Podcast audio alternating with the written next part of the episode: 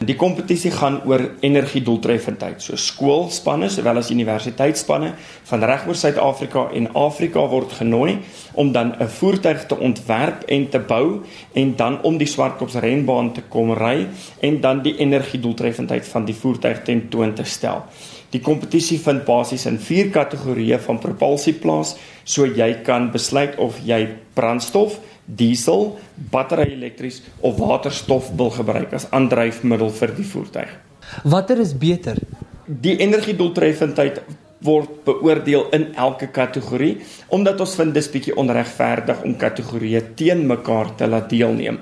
Maar die energiedoeltreffendheid van hierdie voertuie is ongelooflik as mens dink dat die wenafstand in hierdie jaar se kompetisie deur die Nelson Mandela Universiteit in Port Elizabeth was net onder 190 km op 1 liter brandstof. Die battery elektriese kategorie is gewen deur 'n span Voltronics van die Universiteit van Johannesburg waar hulle 'n kar gebou het wat 434 km kon ry op R1.50 se elektrisiteit. Hoeveel mense is dan in hierdie motors? Huidiglik per motor is daar net een bestuurder. 'n Span word gevorm deur 8 studente en dis baie belangrik dat dit wys die studente moet die kar bou want dis waaroor die kompetisie gaan is om 'n platform te bou vir studente en skooliere om dit wat hulle in die klaskamer te leer tentoon te kom stel in 'n praktiese omgewing op die renbaan. Is daar 'n uh, ander doeleinde vir hierdie kompetisie soos die ontwikkeling van 'n motor wat op die mark beskikbaar nee, kan wees? Definitief. Kyk, dit is een van die groot redes vir die kompetisie aanbied is om alternatiewe bronne van energie basies te ondersoek en dan te kyk watter een van hierdie bronne die mees doeltreffendste is.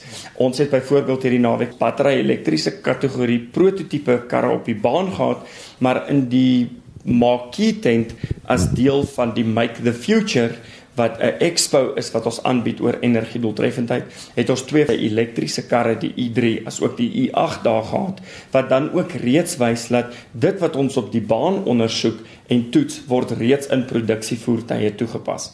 Brandstof is deesdae skaars. Op watter kategorie fokus julle die meeste? Want as jy nou kyk na energie doeltreffendheid, is dit dan nie beter om na bronne te kyk wat maklik beskikbaar kyk, is? Kyk, ons kyk nie spesifiek na 'n kategorie nie. As gasheer van die kompetisie moet ons maar objektief bly. Alhoewel die battery elektriese kategorie baie populêre kategorieë kan ek dit maar noem omdat dit 'n redelike goedkoop en 'n maklike kategorie is om in te skryf in.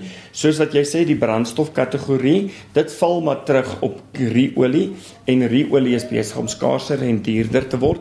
So dit skep maar 'n probleem binne in daai kategorie. Waterstof is 'n baie moeilike kategorie, maar dit is baie doeltreffende kategorie omrede die enigste afval wat jy het van 'n waterstofkategorie is basies gewone drinkwater wat dan onder die kar uitdrup. So tussen die drie kategorieë probeer ons die fokus maar plaas op waterstof sowel as battery elektries, maar soos wat die Engelse sal sê internal combustion is maar 'n kategorie wat altyd sal bly.